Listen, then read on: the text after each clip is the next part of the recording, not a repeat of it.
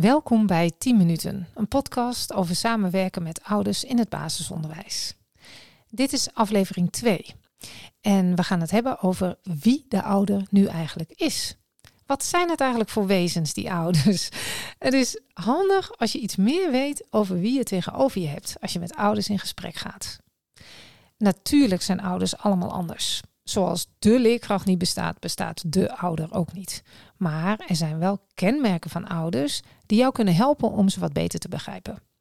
En ik ga er vijf noemen. Ten eerste, ouders zijn zelf kind geweest. Dat betekent dat ze ervaringen hebben, eigen ervaringen met leren, school, leerkrachten. En ouders kunnen hele ontspannen beelden hebben bij onderwijs, maar het kunnen ook ingewikkelde beelden zijn. Ze kunnen zware herinneringen met zich meedragen. Misschien zijn ze zelf wel gepest vroeger. En je kan je voorstellen dat als er dan iets speelt over plagen of gepest worden van het eigen kind, dat dat dan heel hard binnenkomt. Of ehm, misschien hebben ouders zelf vroeger wel moeite gehad met leren en zijn ze nu onzeker over of dat het kind wel gaat lukken. Of misschien komt de ouder wel uit een, uh, uit een ander land waar het uh, onderwijssysteem heel gesloten is en waar je opkijkt tegen de leerkracht. En misschien heeft de ouder daardoor wel moeite met een open gesprek voeren met jou. Nou, zulke dingen kunnen dus allemaal meespelen op het moment dat je een gesprek hebt met een ouder. Er kan dus een hele wereld schuil gaan achter dat gesprek. Um, zo vertelde een schoolleider dat een ouder heel veel moeite had met het feit dat zijn kind eigenlijk naar het speciaal basisonderwijs moest. En um, die ouder die lag echt was. Daar was echt heel erg veel weerstand.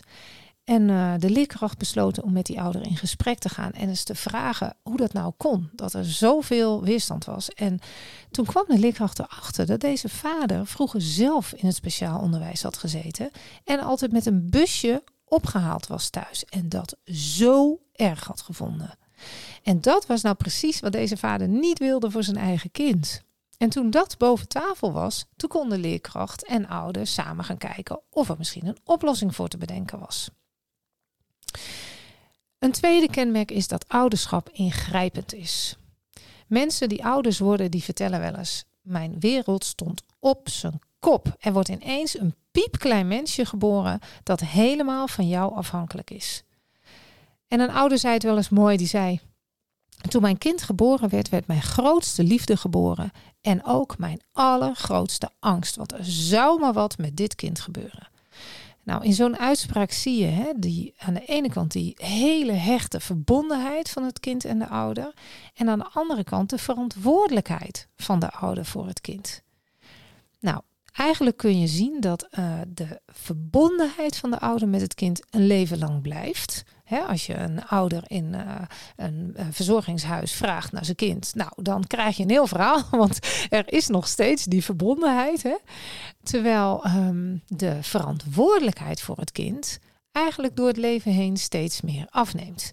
dus waar de ouder in het begin bij de geboorte van het kind gewoon verantwoordelijk is voor het in leven houden van het kind, neemt die verantwoordelijkheid steeds verder af, want het kind wordt steeds zelfstandiger en kan ze steeds meer zelf. Dus in die basisschoolleeftijd is die verantwoordelijkheid van de ouder nog best wel groot. En, uh, en de verantwoordelijkheid, nee, sorry, de verbondenheid uh, met het kind blijft een leven lang. Een derde kenmerk is dat het kind een dierbaar kind is. En dat betekent ook dat er emoties meespelen er kan angst meespelen of het wel goed gaat met het kind. Of die wel vriendjes zal krijgen, of die wel gezond zal blijven, of die zijn weg zal vinden in het leven. En um, dat dierbare kind, ja, ik, ik heb dat zelf ook wel ervaren. Het, um, het is nogal wat. Uh, om jouw kind, dat je zo dierbaar is, uit handen te geven aan een ander, aan iemand die je eigenlijk nauwelijks uh, kent. Hè? En dan ook nog zelf weg te gaan. Nou, dat is in de situatie van school zo. En ik heb dat zelf ook wel ervaren in de situatie van het uh, kinderdagverblijf waar ik mijn kind naartoe moest brengen. Dat was toen denk ik, ik heb twee kinderen, twee dochters. En de oudste was toen vier maanden, vier, vijf maanden. En ik weet nog dat ik bij dat kinderdagverblijf kwam. En nou ja, ik vond dit echt een heel ding. en ik had in de voorbereiding een briefje gemaakt thuis met allemaal bijzonderheden over mijn een dochtertje. Hè, van, eh, ze moest wel zo laat slapen en ze kreeg zoveel te drinken. En na het drinken moest ze wel even een boertje laten. En die uh, pedagogisch medewerker, nou dat weet ik nog wel, die moest echt lachen. Die zei, Oh, dit is wel een heel bijzonder meisje, zeg, wat we hier hebben. Want uh, nou, ze moet wel een boertje laten na het drinken. Nou.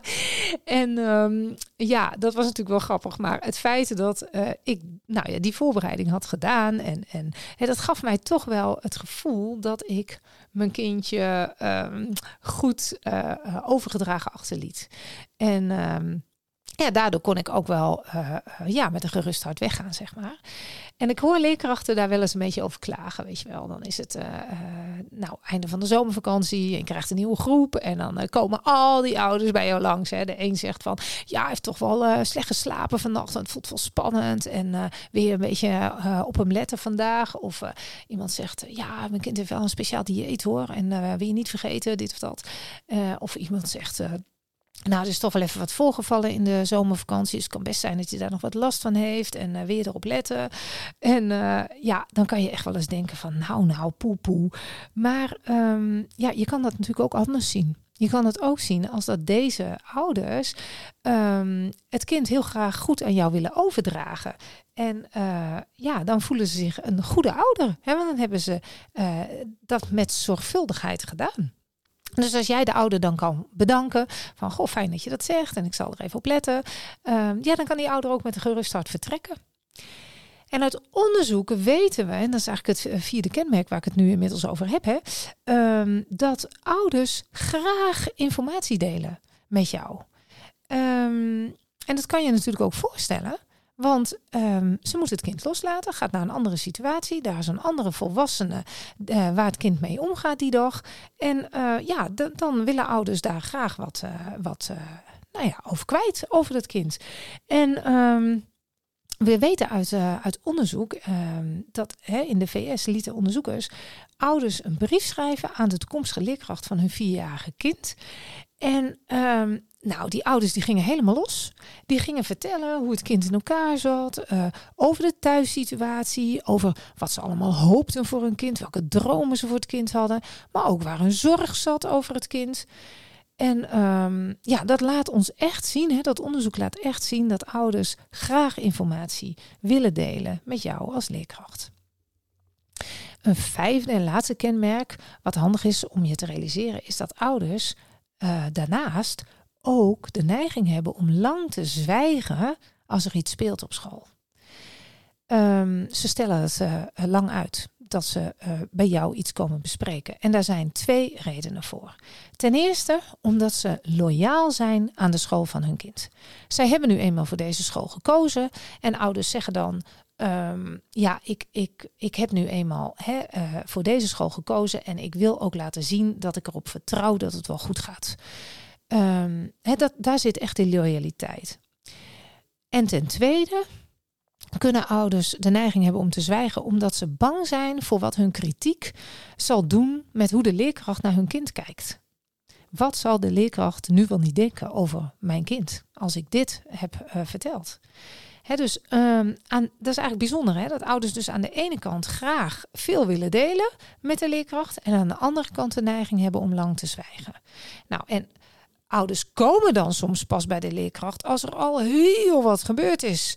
dus het kind is al meerdere keren huilen thuisgekomen.